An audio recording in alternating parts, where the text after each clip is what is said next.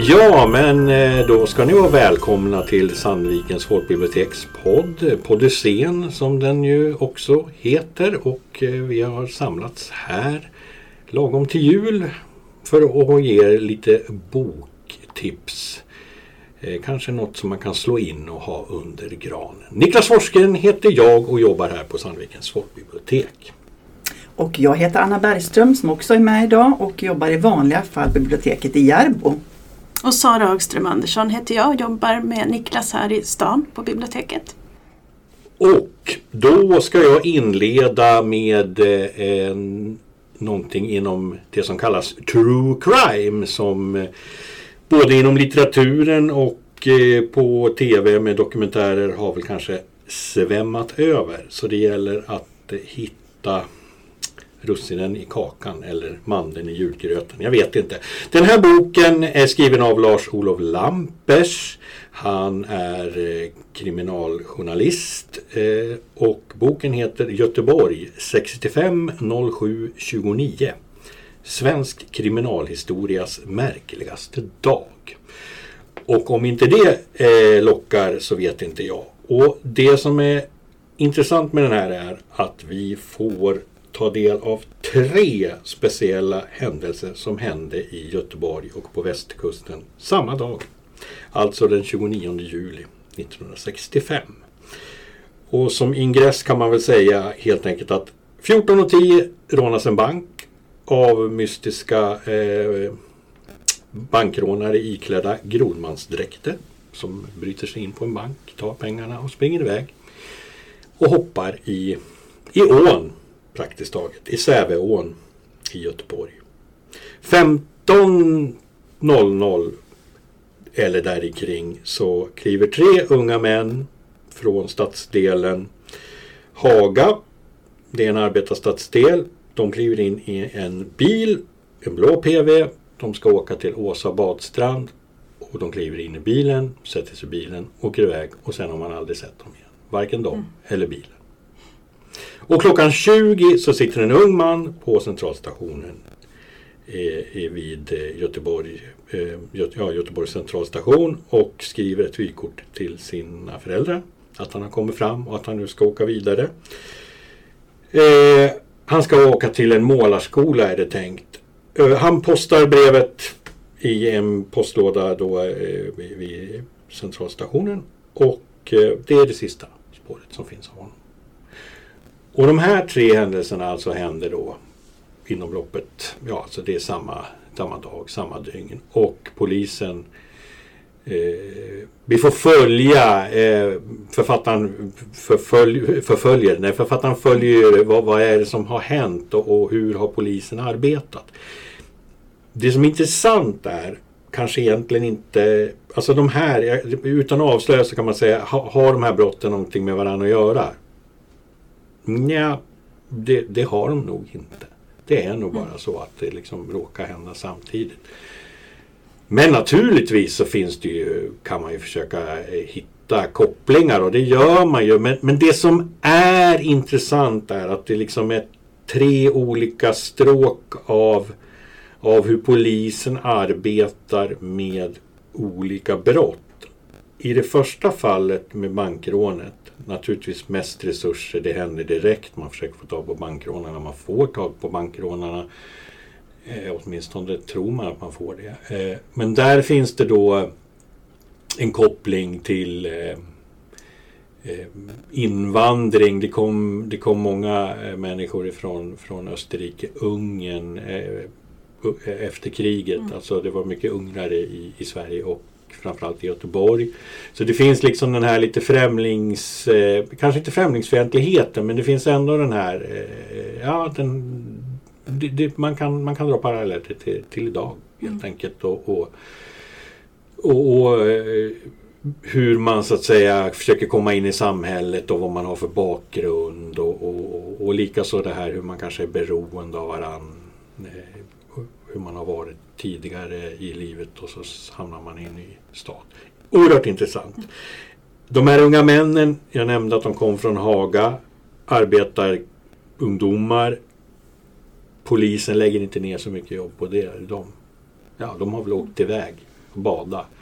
Spelar liksom ingen roll att, att liksom att man kanske då föräldrar eller så där försöker liksom, ja men de är borta, ni måste göra någonting. Så, utan man, man på något sätt, ja man, man bryr sig inte så mycket. Och sen har vi då den här eh, målarskolestudenten eh, då som kommer från en, från en välbärgad familj. Där man märker hur föräldrarna, framförallt mamman, praktiskt taget liksom har en direktlinje in till polisen för att det här ska utredas. Så att det jag tycker att den här boken har, det är true crime, ja, men det är också en bild av, av ett Sverige på 60-talet. Alltså ett, ett, eh, ett Sverige som håller på att förändras.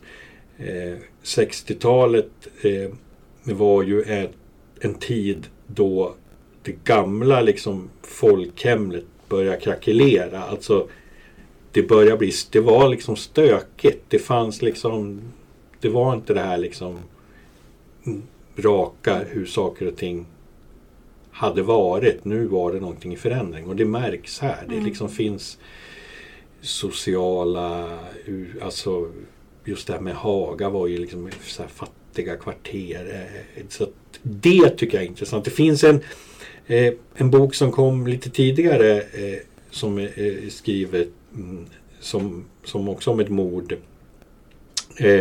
Peter Englund skrev ju en bok. Just hans förra precis. bok var ju också en slags true crime på hans mm, sätt. Söndagsvägen. Söndagsvägen, mm. precis. Och det som är intressant med Söndagsvägen att det Söndagsvägen-mordet det utspelar sig dagen innan. Mm. Alltså, det här.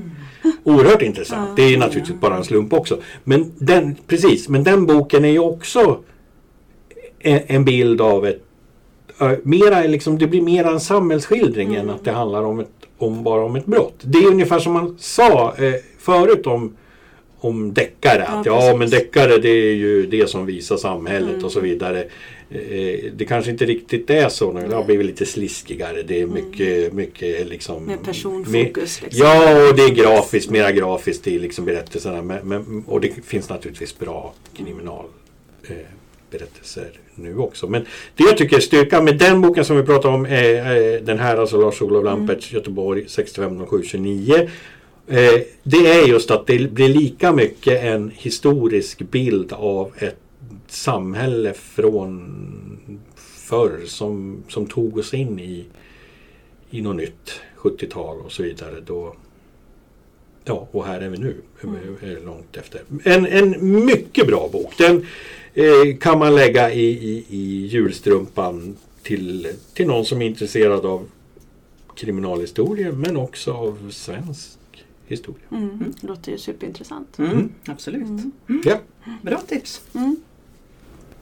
Och då tar jag över och mm. säger så här att äntligen är ju jul. För det är min största, absolut, högtid på året. När man får frossa i de här julböckerna, julfilmerna, julmusiken, julgodis. Man får frossa i allt. Och det gillar jag. Jag har läst en jättehärlig julroman som heter Jul i lantbiblioteket av Josefin Eman. Eh, hon är född i Norrbotten och bor utanför Umeå. Hon debuterade med boken Lantbiblioteket vid älven tidigare år faktiskt. Så det här är andra boken eh, om lantbiblioteket och huvudpersonen Edda. Eh, och jag tycker nog att man ska läsa de här böckerna i ordning som man säger. För man får en mycket helare bild av både huvudpersonerna samt utav själva Norrbotten och Koski som det handlar om. För Edda hon har nu funnit sig till rätta i den här lilla byn Koski i Norrbotten och eh, där hon arbetar på lantbiblioteket.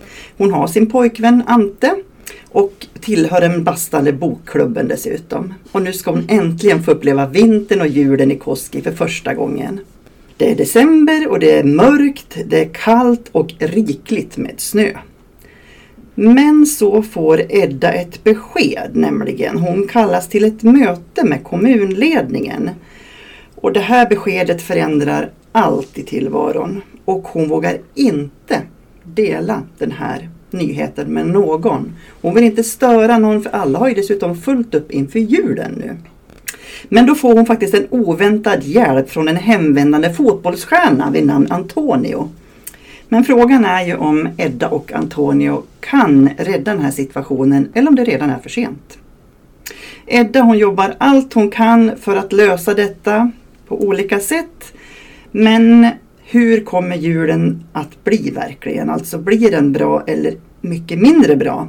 Och vad håller Ante på med egentligen när han aldrig är hemma? Han verkar dessutom ljuga om vad han är. Det här är en jättehärlig underbar julroman som ger läsaren både skratt, kanske även en del tårar.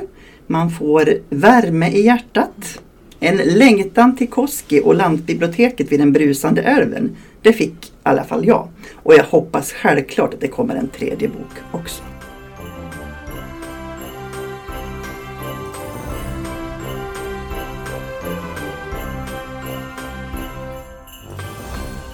Ja, vi stannar kvar i julen tänker jag, för jag har läst en bok av Felicia Velander som heter Dan före dan. Felicia Velander hon har sina rötter i Bollnäs, hon bor också där liksom halva tiden av sitt liv. Man säga.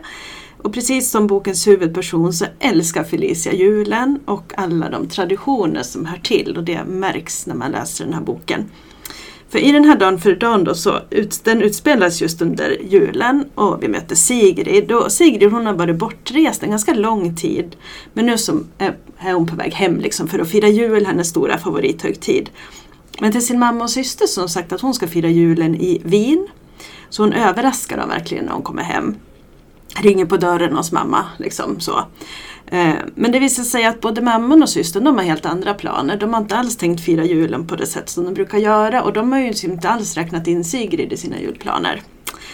Och ingenting är heller riktigt som det brukar vara hos mamman. Julsakerna står inte där de ska stå. Är de ens framtagna? Det, liksom, det känns bara helt fel. Men Sigrid hon vill ändå att allt ska vara som vanligt och hon planerar att åka till stugan i Hälsingland där de alltid brukar vara på jularna.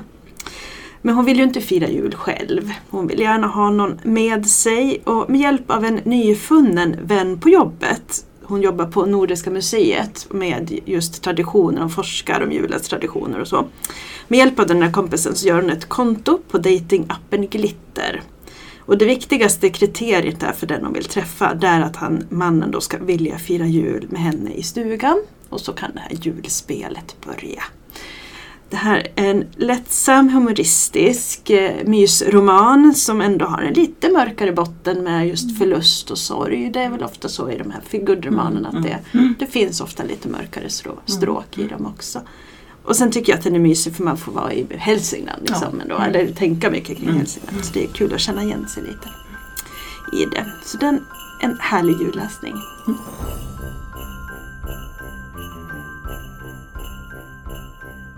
Är det jag som ska ja, fortsätta igen? Ja, ja. Huruvida Lena Andersson, eh, hur hon firar jul, det vet jag inte. Och inte ens om hon tycker om jul. Men hon kanske, det kanske kommer någon sån här, hon skriver ju krönikor i Svenska Dagbladet så det kommer säkert något. Det kan komma något gulligt eller hetskt om julen, vad vet jag. Eh, men hennes senaste roman, den heter eh, Koryféerna. Och det var här jag skulle ställa frågan Vet du vad, vad, vad är koryfi, vad en koryfi är? Koryféerna? Vad, vad, ja.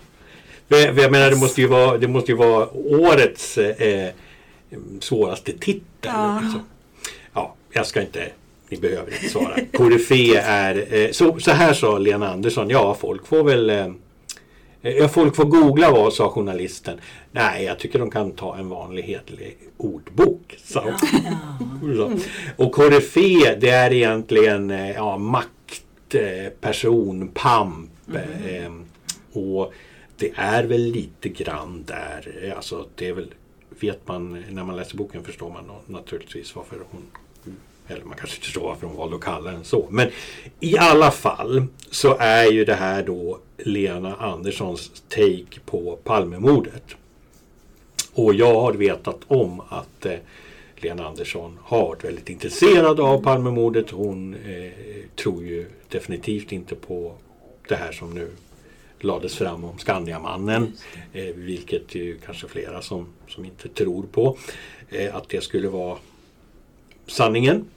Eh, och eh, faktum var att jag höll på att gå ner i det här kaninhålet med, med Palmemordet och började faktiskt då. Efter jag såg Skandiamannen så började jag liksom läsa lite sådana här privatutredares böcker. Men så känner jag Niklas, du kan inte gå ner i det här hjulet. För du kommer, eller i det här kaninhålet, du kommer aldrig komma upp. Så jag bestämde mig för att nej, det får vara nog. Eh, jag avslutar väl då med Lena Anderssons bok då kanske. Och eh, där känner jag ju igen att hon också ju, är ju i det här mm. hålet alldeles uppenbart. Men hon kallar det ju inte för Sverige utan vi är ju i Thule. Mm. Så att det ju, nämns ju inte att det är Palme men det är ju ingen hemlighet att det, liksom, det handlar ju mm. om, om, om ett Sverige. Eh, eh, hon har liksom valt någon märklig sagoform för det här berättandet och jag är inte riktigt säker på varför hon har gjort det.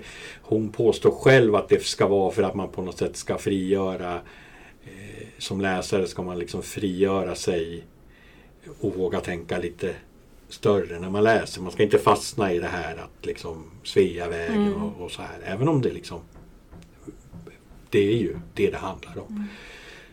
Mm. Eh, och hennes, eh, eller alltså det, vi, vi får, det är alltså en journalist, Roger Lilja, som träffar en, en jurist som sitter på oerhört mycket information om det här och han tar sig tid att gå och lyssna på den här juristen då som gammal jurist som ska berätta om vad han vet om det här. Och, och utifrån det att det helt enkelt eh, före det här mordet så har eh, ett, ett gäng maktpersoner nära eh, den här statsministern som egentligen inte heter statsministern, han heter någon sån här förste förste chef eller någonting. Men det har ju med själva liksom berättartekniken att göra. Att det, det ska vara så. Men, men att de träffar på ett, träffas på ett slott i, i Frankrike och helt enkelt styr upp det här att vi måste ta bort den här mannen ifrån från ledningen. För att det, det är inte bra.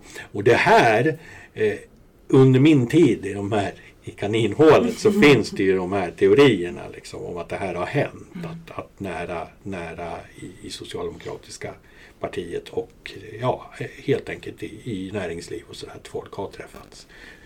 Eh, det, det är spännande hur hon berättar eh, eller hur vi får följa. Det som är oerhört intressant är ju att berätta tekniskt så är det ju helt omöjligt. Eh, för att på något sätt när Roger Lilja då hör hur den här juristen berättar. Då berättar han eh, och så går vi in i liksom i själva scenen där de sitter och pratar, mm. de här som var i Frankrike. Fast han var ju inte där. Alltså, så att, förstår ni? Det blir mm. liksom, jag satt och, och funderade liksom så här, det här är ju helt, det, det här berättartekniskt är ju det här helt omöjligt. Mm det måste finnas någon sans på vilka överenskommelser man gör som läsare och sådär. Men det funkade! Ja, och, och, det funkar väl då om man liksom bestämmer sig för att ja, det är så här den här ska berättas så. Och, och kommer vi någon närmare någon eh, liksom sanning? Nej, det gör vi nog inte. Det, det, jag, jag får känslan av att eh, jag tror faktiskt inte att den här romanen har gått så bra. Mm.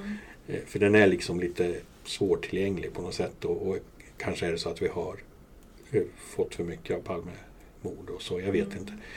Eh, men jag tror att det, det känns som en roman som hon måste skriva. Mm. Får ur sig kanske? Ja, hon måste få ur sig det. Och i synnerhet när det då kom det här liksom eh, dels avslöjan eller dels att man la ner utredningen ja. och så kom ju den här serien på tv på eh, den kom ju som bok men den kom ju också som någon slags eh, eh, tv-serie så att säga med, med fiction.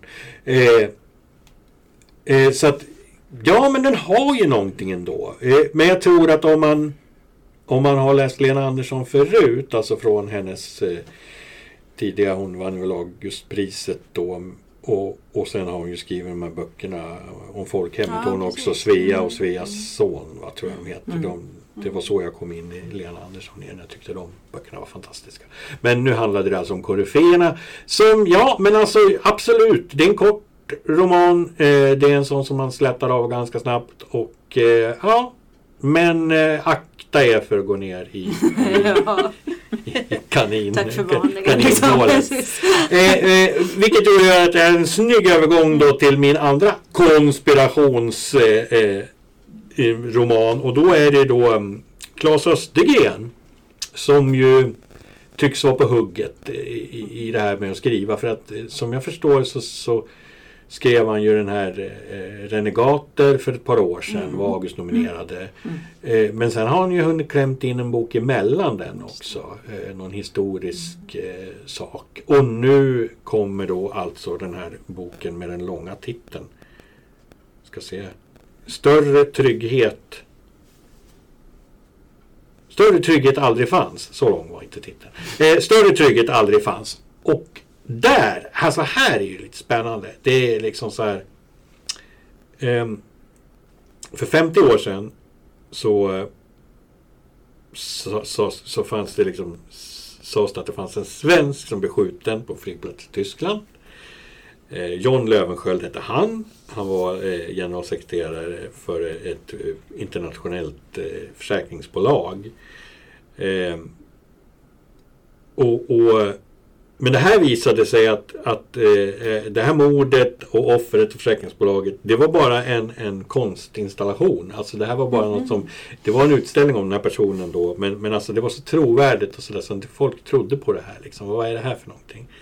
Eh, det liksom blev en del, det fanns som en myt liksom att den här personen hade funnits. Det här var ju då 50 år sedan, sen har det liksom en, runnit en del vatten under broarna. Men då tar alltså Claes Östergren upp den här och skriver en roman om den här personen. Eller snarare så är huvudpersonen är en person som har eh, bott i det här liksom i ett, i, på en ort där det här försäkringsbolaget liksom vad ska vi säga eh, ägde eller det var deras liksom samhällsbyggnad som var liksom det var deras samhällsbyggnad som var, var, var legio. Det var liksom där det var som någon slags eh, experimentort på något sätt. eh, Så.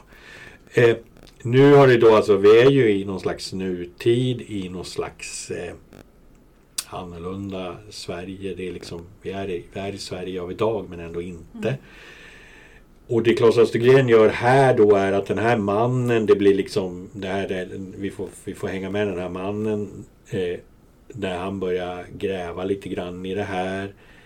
Eh, men det handlar ju också om då mannens liv, eh, skilsmässa, eh, ensamhet. Har vi hört det förut? Ensam man som funderar och grubblar. Ja.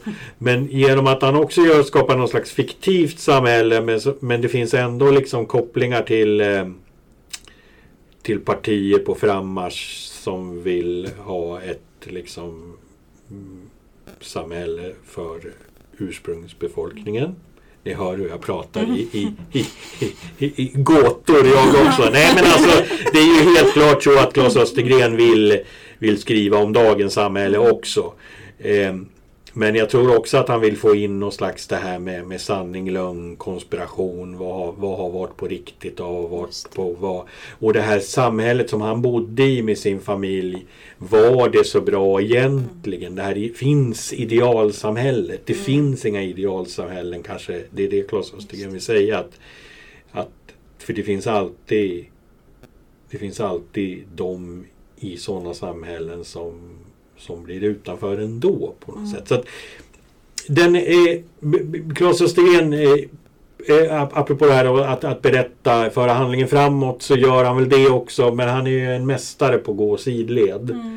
Och där i de här sidledspassningarna som han gör kan man ju lätt känna att liksom eh, jaha, okej. Eh, Men snart leder du väl oss ut in i liksom att det här har någonting. Men, men det har alltså det är väl kanske Claes Östergrens grej. För när jag tycker jag känner igen det i hans gentlemen, gangsters, renegater så är det ju långa liksom sådana här sjok som, som är bra men om de behövs, ja det vet jag inte. Liksom. Eh, kanske. Jag har alltid älskat, eller älskat är väl ett starkt ord, men jag har verkligen från, från gymnasieåldern gillat Claes Östergren och gör det nog fortfarande. Jag skulle vilja säga att det här är inte hans bästa Men den är intressant att läsa samtidigt som man har läst Lena Anderssons eftersom Mm. att de rör sig i det här med Ja, men med konspirationer, med mord, med makt. Eh, vad får vi veta? Ska vi veta allt? Är det bra om vi vet allt? Och, och så vidare. Och så vidare. Så att, helt klart en julklappsbok. Kanske ska de Kanske ska de få två böcker. Så kan man få Lena. Andersson och Lars Östergren. Eh, Eller så. Eh, eller- Nej men eh, helt klart läsvärd tycker jag Mm. att den är. Kul. Jag tänkte jag haka på där med mera Klas Östergren. Ja, okej. Ehm, jag tänker du berättade det här med Sido, att han, det är mycket Mm. utvikningar Mm. och så. Jag håller med dig, jag har ju läst tidigare Mm. hans romaner och sådär. Men om man vill ha lite mer så här, koncentrat av Klas Östergren, kanske prova på honom om man inte känner för att hugga direkt tag i den här nya eller i Gentleman eller så. Så kan jag rekommendera en bok som heter Julrevy i Jonsred och andra berättelser som kom förra julen. Och han, eh, Claes Östergren har tydligen under flera år skrivit just julberättelser. Det hade jag inte alls koll på Jag faktiskt. skrev en julkalender. Jaha, se Ja, där. för 10-15 år sedan Mhm. tror jag. Eh, Nu har jag inte namnet på den men den var Men, ganska ja. Claes Östergrensk. Spännande. För här är det ju så Jaha, är- då är den inte med här men det hade ju blivit lite för Mm. lång kanske. Det här är åtta stycken då. Och den sista som heter just Julrevy i Jonsered är nästan som en liten kort roman i sig som avslutar den här boken. Eh, men eh, i den här boken så, om man tänker julberättelser med det här sockersöta, lite kanske tillrättalagda, så är det inte det man hittar här. Här hittar man istället en extra knäckande granförsäljare som levererar julgran till den fina våningen och hamnar i kanske ett kraschat äktenskap. Eh, vi får möta familjen som varje julafton äter lunch hos Lundstedts, den här fina familjen. Ända tills de märker att någonting inte står riktigt rätt till. Eller kanske det egentligen gör det. Ehm, och den här julrevy Jonsred och där möter vi en författare som efter att ha misslyckats så här kapitalt på scenen en gång återvände till det här lilla Jonseryd och här ska han jobba med den lokala julrevyn som ett slags kreativ eller konstnärlig rådgivare. Eh, Och i den här revyn då så medverkar ett gäng ganska udda karaktärer som alla har sin plats på den här scenen, lokala scenen. Sen gäller det att hitta den här lagoma mixen mellan humor, allvar och musik. Eh, Det här är julsagor som liksom skrapar på ytan och tittar in bakom fasaden och avslöjar oss som inte alls särskilt perfekta varelser. Jag gillar de här jättemycket. Eh, samtidigt så finns det någon så här känsla av att ja, men det är jul, undren kan ske. Fast det Ja. kanske ser helt annorlunda ut i, i, liksom, i våran tid. Lite, lite gråa tillvaro som man skildrar. Mm. Så väldigt så här koncentrerad, koncentrat av Östergren. Och det kanske skulle kunna liksom förklara det här. För han är ju duktig på att skriva noveller. Mm. Han har ju skrivit mycket bra noveller. Så, och då tänker man så att det, det kanske är det han ändå gör i de här tjocka romanerna. Att han måste ha sådana episoder.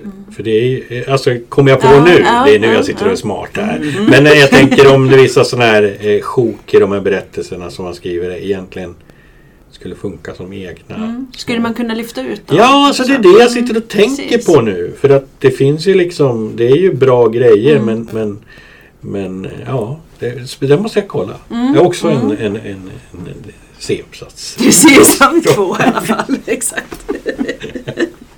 Ja, Ja. bra. Det där var intressant. Den ska jag läsa över jul. Ja, men Mm. det tycker jag det ska göra. Ja, men då ska jag ta över alltså. Mm. Och eh, då har jag även läst en historisk roman, Jul i rampljus av Amanda Hellberg.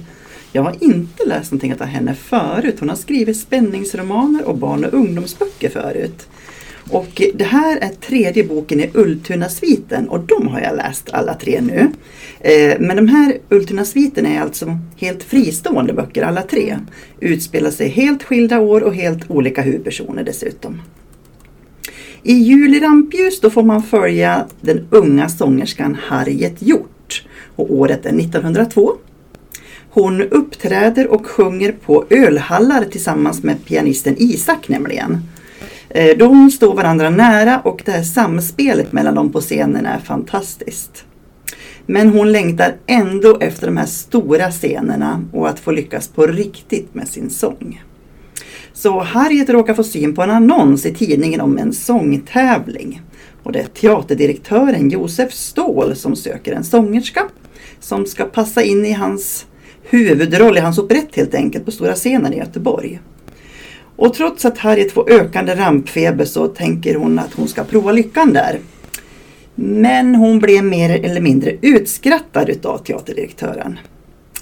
Men med lite list och knep så gör hon faktiskt ett nytt försök för hon vill ju detta så gärna. Och den här gången så blir teaterdirektören eld och lågor. Han har äntligen hittat sin snöprinsessa. Henne ska han ha. Och Harriet inser snabbt att den här teatervärlden är fylld av många hårda krav. Och en intensiv uppvaktning dessutom från teaterdirektören som hon inte alls tycker om. Och dessutom många farliga lockelser. Hon saknar sin trygga Isak och hon inser att hennes känslor är nog mer än kamratskap för Isak. Men har de verkligen någon framtid tillsammans? I den här boken får man följa med Harriet, hur hennes musik och sång framförallt, den trollbinder ju folk mer eller mindre. Och eh, Isak som spelar magiskt på sitt piano, det är romantik i juletid. Det är relationer, fattigdom men även rikedom. Och om man vågar följa sitt hjärta så leder det alltid rätt. Och litar man på magkänslan så kanske man även måste våga för att vinna. Mm. Mm. Jag har faktiskt läst, först, läst första ja. där som kom med här i Ultuna. Ja. Det är i slutet på 1800-talet ja, tror jag, Julie Krinolin. Ja. Ja. Ja, de är bra alla tre tycker ja, jag. Ja, det var bra. Det var Absolut. lite mer romance som jag hade förväntat ja, mig. Tror jag. Ja, det, det, är inte fokus på det historiska om vi säger så. Utan det, det, det kommer i andra hand. Och lite ja. så, men de är mm. fina. Och sen de här, hon har ju skrivit, du nämnde ju det, hon har ju skrivit så skräck i Oxford. Mm. Som jag gillar. Jag läste om Maja Grå här, ja. personer. Nu kommer jag inte ihåg vad böckerna heter. Men Nej, men det har jag sett någonstans. Det är verkligen en helt annan genre. Ja. Men jag tänker julen då, om vi ska stanna kvar där en liten stund. Så har jag läst mera julberättelser, nutida julberättelser. Och de här är från eh, Jeanette Winterson. Som är en brittisk författare och boken heter Juldagar. Och hon debuterade eh, 1985 med en bok som heter Det finns annan frukt än apelsiner. Och den bygger verkligen på hennes egna erfarenheter. För hon blev som ung lesbisk kvinna utslängd från sitt frireligiösa adoptivhem. Och det här liksom med hbtq och queer-temat det går igen i mycket av det hon har skrivit. Och även det personligt liksom upplevda. Men sen blandar hon ofta verklighet och saga, hon rör sig genom tid och rum. Och ja, Man vet aldrig riktigt vad som kan hända och jag tycker det är jättefascinerande och roligt att läsa. Men juldagar då, den innehåller 12 berättelser och 12 festmåltider för 12 mm. dagar. Eh, så det är en blandning mellan berättelser helt i hennes här magiska stil och recept. Mm. Eh, så det här tänker jag också, precis som med novellerna av Östergren, att det är ett bra sätt att liksom lära känna en författare på. Att man kan greppa lite, lite, lite sådär och så se om det är någonting för en att läsa. Um, I inledningen till boken så skriver hon om sin kärlek till matlagning, till skrivande och till julen. För som hon säger då, så trots att hennes uppväxt var olycklig och i hennes hem då, att det var en tuff uppväxt, så var ändå julen en lycklig tid. Så mm. hon har väldigt fina julminnen. Och det här är magiska, härliga och ganska roliga berättelser som hon skrivit så den här tyngden finns inte på det sättet. Um, I den första berättelsen så uh, den heter Julens ande. Där har ett par packat bilen med så mycket mat, julklappar och annat så att de knappt själv får plats. Och så ska de åka och fira jul i en stuga. Eh, men sen när de stannar vid vägen så ser de vid ett köpcentrum, om de ska väl tanka eller någonting, så ser de ett litet barn i ett skyltfönster. Som har blivit kvar där efter att köpcentret har stängt. Och det här barnet tar de med sig, de tänkte de kan inte bara lämna den där. Och det visar sig vara julens ande. Eh, och på väg mot stugan med barnet i bilen så möter de också jultomten som är i färd med att tömma ett hus på saker. Det visade sig att eh, han en gång om året erbjuder tjänsten att komma hem till folk och ta bort överflödet istället för att lämna julklappar. Det här känns eh, ja, men lite så här nutida på något sätt med rensa ut och vi har våran konsumtionshets och så. Eh, hon berättar också om Sam som ska planera, han planerar att fira jul ensam och så en kväll efter några cocktails på en bar i New York där Sam bor så hittar hon en julgran i sin lägenhet. Men hur den har hamnat där är ett stort mysterium. Så det är lite så här skruvade, spöklika, ömsinta och kärleksfulla berättelser. Helt i julens anda men med liksom Jeanette Wintersons stil. Så julen mitt i vår nutid. Och sen de här eh, recepten är också roliga. De, eh, hon berättar om de här personerna som recepten kommer ifrån. Några är hennes egna och så. Men sen har hon ett till exempel av deckarförfattaren Ruth Rendell. Eller mm. Rendell. Mm. Eh, och hon beskrivs som en konnässör på, konnässör på inlagt. Mm. här får man då recept på Ruth Rendells röda surkål. Mm. Så det är lite sådana roligheter som jag tycker om. Och de två, Jeanette Winterson och Ruth Rendell, de har också firat jul ihop. Så det känns Jaha. väldigt så genuint äkta. Liksom. Ah, okay. så. så det var inte bara det är inte mm. bara att det råkar vara så. Utan Nej, precis. det är så. Det är så.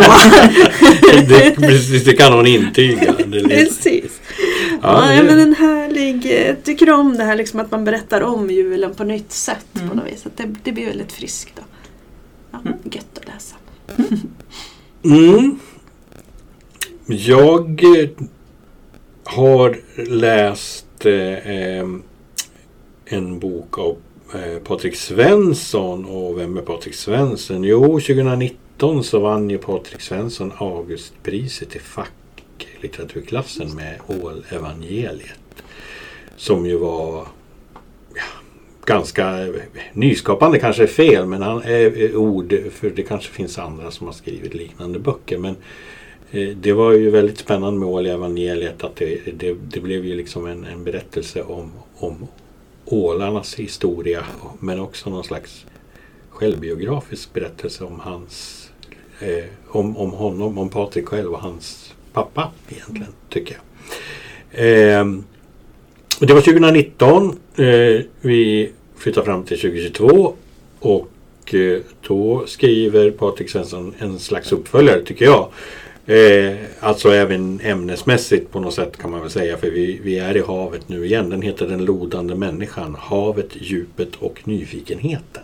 Och den blev han ju faktiskt också nominerad mm. till Augustpriset för. Han, mannen har skrivit två böcker och var nominerad till Augustpriset. Mm, han vann dock inte. Eh, den, jag var lite så här, eh, jaha, eh, liksom ännu en bok då kan det bli, hur kan det här bli? Och då hör det till att jag, jag är ingen liksom vattenmänniska, havsmänniska. Jag tycker inte om att åka båt överhuvudtaget. Liksom, sådär. Så att för mig kanske det är något, det kanske är något terapi där. Ja, liksom, så, eh, eh, eh, men jag, jag har både läst och lyssnat på den här boken. Kört lite hybrid på, på den här. Och eh, den funkar både, både, både att läsa och lyssna måste jag säga. Eh, och här tar han det mera att berätta. Eh, han försöker nog någon slags anslag att få in sin mor i den här berättelsen. Men väldigt, väldigt lite. Det känns som att det kanske var någon slags idé att man skulle mm. få in mamman i den här. Då. Men, För rättvisan? Ja, lite, få lite känsla sådär. Men, men, men, eh, och det får han. Mm. Men, men inte speciellt mycket. Och det tror jag är bra. För den här handlar ju då mera om Ja, alltså hur, hur, hur, kunde vi, hur kunde människan lära sig navigera på havet? Liksom? Och det är ju liksom genom det här med, med lodandet, att liksom veta hur, hur djupt det är och så vidare. Och så vidare. Och det handlar ju om Magellans, liksom, var han den första världsomseglaren? För det handlar ju liksom om, om de här liksom, de som skulle ut och upptäcka om världen var, jorden var rund och, och var kom vi och så vidare. Och, och likaså är det ju berättelse om, om Ja, alltså om hur kaskelottvalen eller kaskelotten, hur den liksom har, har liksom bidragit till vår upplysning, till mm. vår kultur. Liksom, han, han går ju in på sådana här, alltså han måste ju, Patrik måste ju verkligen ha liksom tok forskat på mm. bibliotek. Ja, han, han, har suttit och bläddrat och läst och så. Eh, och, och, och, och, det blir också liksom en, en berättelse om, om en slav eh, som, som, som lovas frihet när, när eh, hans herre ska, ska eh, alltså när, om hans herre liksom dör så ska han få frihet och, och det handlar om svek. Så det blir så liksom, det blir personligt samtidigt som det är liksom Samtidigt som det är naturvetenskap, för det är ju det det är mm. på något sätt och, och någon slags kulturgeografisk historia och så vidare så är det ändå det här liksom människorna. Eh, vi, vi, liksom, vi får en berättelse om en skotsk bagare som heter Robert Dick som var amatörgeolog som, som har bidragit jättemycket mm.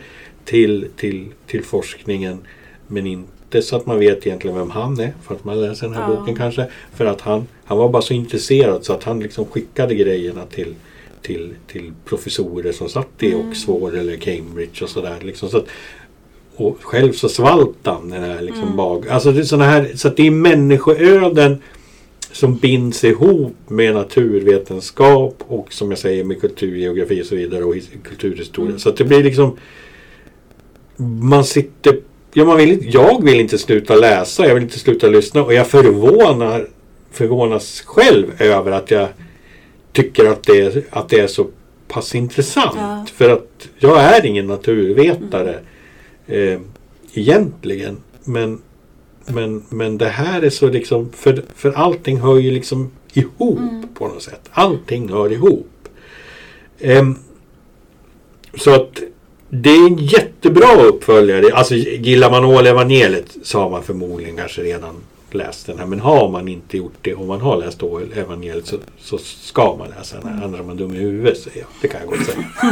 ja det måste jag väl få säga. ja, absolut. Men måste man ha läst år? Nej nej nej. Det behöver man, inte. Men, nej nej. Ja. Men det här det är totalt fristående. Ja, så. Absolut. Ja. Totalt fristående.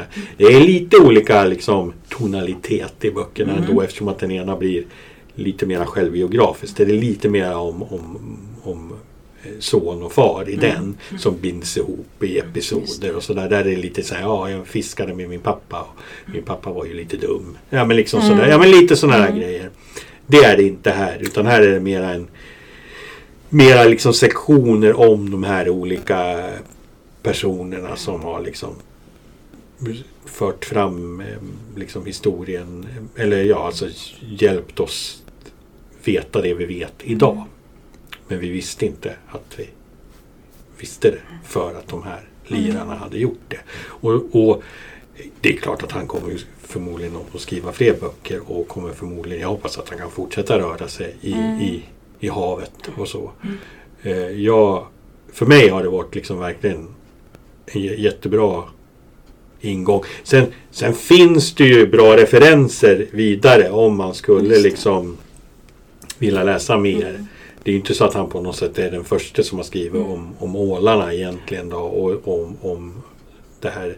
Så att det är också en bra ingång mm. om man vill och, och, till det hela. Och det är också Det finns ju liksom Det handlar ju också om vår planet, vår mm. jord. Så det finns ju också kopplingar till till ett miljö. Ja, till dagens mm. miljö. Mm. Tänk som vi väl ändå står inför. Så allting hör ihop. Han gör det väldigt bra. Eh, jag hoppas att den som vann, eh, att den boken då var bättre. Nu vet jag inte, kan man tävla i litteratur? Nej, ja, det kanske man kan. Jag vet inte. Men den ska man läsa. Och vill man inte göra det, man kanske vill ha något lättare än det där, för det låter ändå ganska mastigt tycker jag. Så kanske man kan ta en liten bilderbok Även vuxna kan faktiskt läsa bilderböcker. Absolut. Och jag tänker tipsa om en som kom här i slutet på september faktiskt. Och det är en julbok för barn. Och den heter Teddybjörnen Fredriksson och tomten som satt fast utav Lasse Berghagen. Och eh, han har ju tidigare skrivit böcker som handlar om Filippa och morfar heter de böckerna. De är på tivoli och alla möjliga saker. Men nu är det en helt ny tjej. Nu är det nämligen Anna-Klara som är sex år och hennes bästa vän Teddybjörnen Fredriksson som hon har med sig jämt överallt. Och det är dagen före dopparedagen och när de har lagt sig så vaknar Fredriksson och hör någon som gråter. Och det verkar komma från bottenvåningen. Och han kravlar sig ur sängen och tassar ner för trappan för han är ju lite rädd också. Och vad tror ni han får se när han kommer ner? Jo, en tomte som har fastnat i kattluckan. Oh. Och tomten berättar för Fredriksson att han har lovat tomtefar att dela ut julklapparna till Anna-Klara. Men han är ju så höjdrädd. Så han tänkte att kattluckan borde passa honom bättre istället för skorstenen. Men nu sitter han fast ordentligt. Hur ska det gå för tomten alltså? Vi får även träffa Kajan Kaj och hunden Buster när Fredriksson försöker hjälpa tomten att komma loss och vilket blir ett väldigt äventyr mitt i natten. Boken innehåller jättefina illustrationer gjorda av Kristina Grundström. Hon har även gjort illustrationerna i de andra böckerna av Lasse Berghagen tidigare. Och det finns mycket små detaljer i bilderna som man upptäcker om man verkligen tittar på bilderna. Och det här är ju en härlig berättelse som är, passar som en högläsningsbok tycker jag, för barn kanske. Fyra till sex år uppåt. Men även barn som läser själva kan läsa den här och även vuxna kan läsa den faktiskt. Den är spännande, rolig och de flesta människor har ju hört talas om den här sången om teddybjörnen Fredriksson och man har kanske skapat sig en egen bild av hur teddybjörnen ser ut. Och jag hoppas att det kommer flera böcker om teddybjörnen Fredriksson för det är en underbar liten nallebjörn. Mm, den ska vi läsa. Ja det tycker jag Den, absolut. den ska vi absolut läsa. Och det Ja. finns ju ingen motsättning att läsa den än att läsa någon utav av de här. Vad bra! Var, var vi klar nu Mm. Ja, för nu är idag? vi färdiga. Ja, Ja, visst. då får vi hoppas. Vi får tacka för oss att helt vi fick vara med. Ja, absolut. Tack ska ni ha. Tack för att ni lyssnade. Ja, Tack. tack.